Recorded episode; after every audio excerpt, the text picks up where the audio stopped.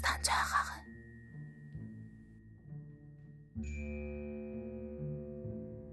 Təbrizdə var inqilab. Məmməd Əli dinmə get yat. Get özünə kömək tap. Yorğanı sazla ört yat. Al kömək ingilisdən. Məmməd Əli dinmə get yat. İstə Qazaq Urustan. Məmməd Əli dinmə get yat. Get Liyaqova yalvar. Məmməd Əli dinmə get yat. Təbrizdə Səttarxan var. Məmməd Əli dinmə get yat. Məmməd Əli dinmə get yat. Konsul göndərər saldat. Təbrizi Tehrana sat.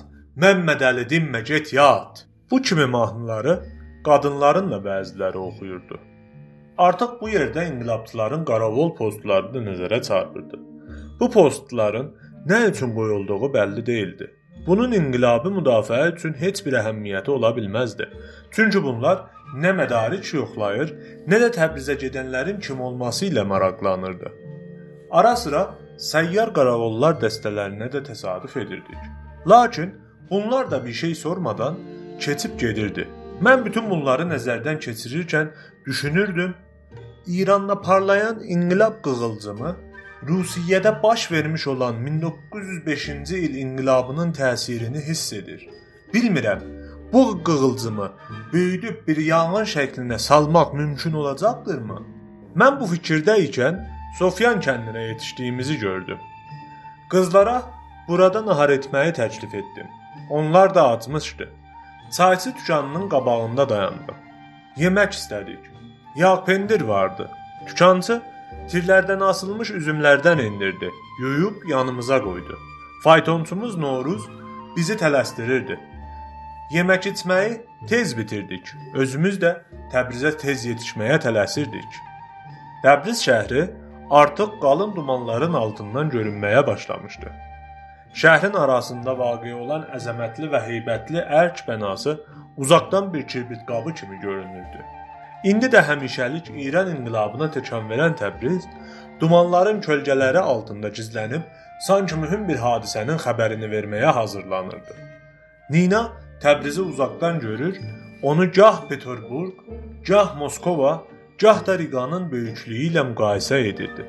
Mənə deyirdi ki, Bilmirəm bu böyük şəhərdə bir-birimizlə görüşmək mümkün olacaqdırmı? mən Təbrizdə qalmalı olsam, bəlkə də görüşmək mümkün olar. Əcəba, siz məni unuda biləcəksinizmi? Ninanın bizi deyil, məni deməyi mənə qəribə göründü. Çünki biz 2 günlük səfərimizdə işi bu qədər dar və müəyyən bir çərçivə içərisinə salmamışdıq. Mənə ki bir şey məlum değildi. Qız məni unudacaqsınızmı deyə sual vermişdi. Cavab verməyə bilməzdim.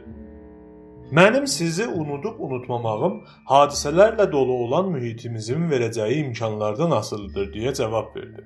Siz ki hazırki hadisələrlə əlaqədar deyilsiniz. Doğrudur, əlaqədar deyiləm. Ancaq ümumi bir hadisənin ağırlığını, umum xalqın çəkməli olduğunu da unutmaq olmaz. Doğrudur. İnqilabçı bir məmləkətdə tərəfsiz qalmaq da çətindir. Nina bu sözünü bitirərkən çox diqqətlə gözlərimin içinə baxıb təkrar etdi. Belə deyildirmi? Özünüz söyləyiniz. Mənim əvvəlki şübhələrim yenə də coşmağa başladı. Ninanın məni öyrənmək həvəsi get-gedə artırdı. O gözlərini mənim gözlərimdən heç də götürmürdü. Tez-tez əlimi tutub deyirdi: Özünüz söyləyiniz. Belə deyildirmi? "Lakin mən Təbrizə yeni gedirəm. Gələcəkdən xəbər verə bilmərəm." Ninanın göz bəbəkləri oynadı. Onun gənc ürəyi cazibəli gözünün həlqəsindən mənə baxmağa, məni daha başqa fikirlərə yol verməyə məcbur etdi. Cəsarətli bir səslə Mən sizi müəyyən bir tərəfdə görmək istəyirəm. Az qüvvənin tərəfində. Az bir qüvvə ilə çoxlara qarşı mübarizə aparanların tərəfində. Səttarxanın tərəfində. dedi. Bəs nə üçün Səttarxanın tərəfində? deyə soruşdum. Çünki qəhrəmanlar yalnız az qüvvənin içərisindən çıxır. Qəhrəmanlar yalnız həqqini böyük qüvvədən tələb edənlərin içərisindən çıxar. Ninanın bu sözündən sonra daha danışmaq istəmədim. Çünki məsələmiz nazik və çıxılmaz bir mərkəzə varmışdı. Mən yenə də onların musiqi müəllimləri deyil, konsulun sifariş verdiyi xüsusi casuslar olduğuna inanmağa başladım. Bundan sonra olan söhbətlərimiz tamamilə adi və mənasız məsələlərdən ibarət oldu. Ninanın özü də mənim dərin düşündüyümü gördüyündən söhbətin istiqamətini dəyişmişdi. O nə olursa olsun məni danışdırmaq istəyirdi.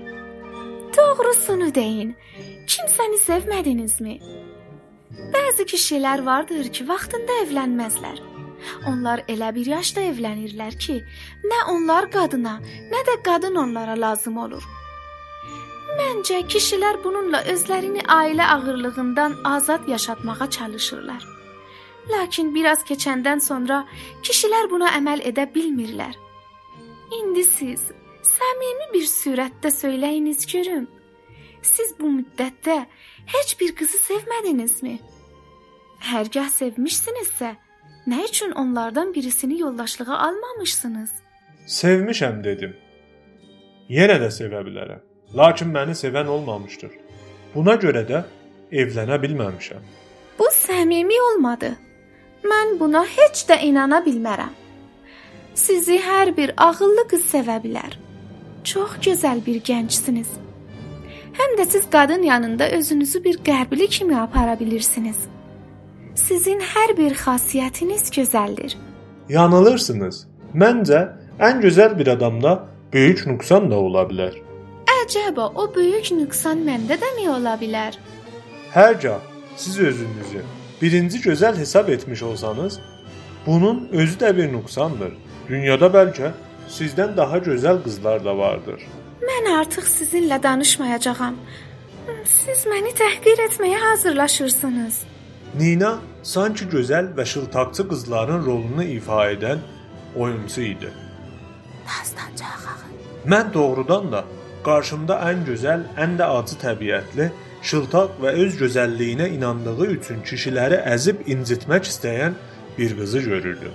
Fəqət Nina ən sadə, ən həlim, ən gözəl bir qız idi. Biz acı körpüsünə qədər yalnız iradə ilə danışırdıq. O məndən Təbrizi soruşur, orada necə yaşayacaqları haqqında təsəvvürlərini söyləyirdi. O məndən çox razılıq bildirdi. Əlimi tutub tez-tez görüşəcəyimizə söz verməmi tələb edirdi. Ninaya gəldikdə onun gözündə qısqanclıq görünməyə başlayırdı. Gözləri İraydanın əllərinə dikilmişdi. İraydanın əlləri mənim əlimi sıxır, razılıq göstərirdi. Ninanın dodaqları titrəyirdi. Gözlərinin altında kiçik damarlar döyünürdü. Lakin bu uzun çəkmədi. O mənim əlimi bacısının əlindən sürətlə dartıb aldı. Gözləri yaşardı. Mən də İrayda ilə güldük. Nina da hər iki rolunu oynayıb bitirmişdi. O rəngi qızarmış bir halətdə dedi: "Kişilərdə bir çox hərəkətlər yersiz olduğu kimi, bu gülüşlər də yersizdir." Əlbəttə, mən onun gözlərinin yaşarmasına deyil, ümumiyyətlə ani və dəli kimi sevgilərinə gülürdüm. Xüsusən Ninanın bu rolları çox məharətlə ifa etməsi də məni güldürürdü. Daha doğrusu şadlanır qızın nəhayət dərəcədə qabiliyyətli bir qız olduğuna sevinirdim. Lakin onun kişiləri təhqir etməsini və onların yersiz gülmələrini tənqid etməsini də cavabsız buraxmadı. Nina xanım, mən xanım deyiləm. Sadə Ninayam. Bunu bir kərə sizə demişəm. Çox yaxşı. Nina, gözəl Nina. Kişilərdə yersiz gülüşlər nə qədər çoxsa, qadın və qızlarda da yersiz ağlayış və qısqanışlar həddindən artıqdır. İndi deyin görüm, siz hansı qızı sevə bilirsiniz? Yarım saat bundan əvvəlki qısqanc, şıltaq və tez sevən qızımı? Yoxsa hazırda danışan sadə, səmimi bir yoldaş kimi hərəkət edən qızımı? Bunların hər ikisi də sevimlidir. Fəqət birinci ilə vaxt keçirmək, əylənmək, ikinci ilə yaşamaq və yoldaşlıq etmək yaxşıdır. Lakin bunu da müəyyən bir şəraitdə başa gətirmək mümkündür. O şərait nədən ibarətdir? Qarşılıqlı sevgi. Bu sözdən sonra Nina başını aşağı salmışdı. Heç birimiz danışmırdıq. Çünki artıq Təbrizə yetirmişdik. Acı körpüsünə çatırdıq. Bura hərbi qərargah şəklini alırdı. Bura Rus hökuməti tərəfindən çəkilmiş Zulfa Təbriz şusə yolunun son nöqtəsi idi. Burada yoxlayıcı və idarə edici kontorlar yerləşmişdir. Hər tərəfə telefon əlaqəsi vardır. Telefon inqilabçıların ixtiyarındadır. İnqilabçılar burada Təbriz şəhrinə gedənlərin mədarişlərini yoxlayırlar. Mən qızlar bilməsin deyə hamıdan əvvəl faytondan enib qaravol postuna girdim və mədarikimi göstərdim. Qızların da mədarikləri yoxlandı. Faytonumuz körpüdən buraxıldı. Dar və palçıqlı küçələrin hər iki tərəfi böyük karvansaralardan ibarətdir. Böyük Təbrizin ticarət karvanları bütün Azərbaycanın müxtəlif şəkildə olan nəqliyyatı yalnız burada yerləşir.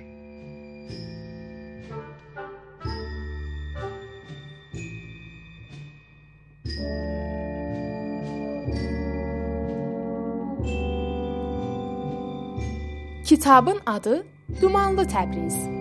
Yazar Məhəmməd Səid Ordubadi. Hazırlayan Nurulla Purşərif. Bu bölümdə səsləndirdilər: Ravi Siyavəş Tufarqanlı, Nina Saray Tahiri, düzənləyən Səccad Müslimi. Bizim axağa qatılmaqla işimizin ardını tutmaqda bizə dəstək olun. Axağımızın adresi Dastanca. D A S T A N C A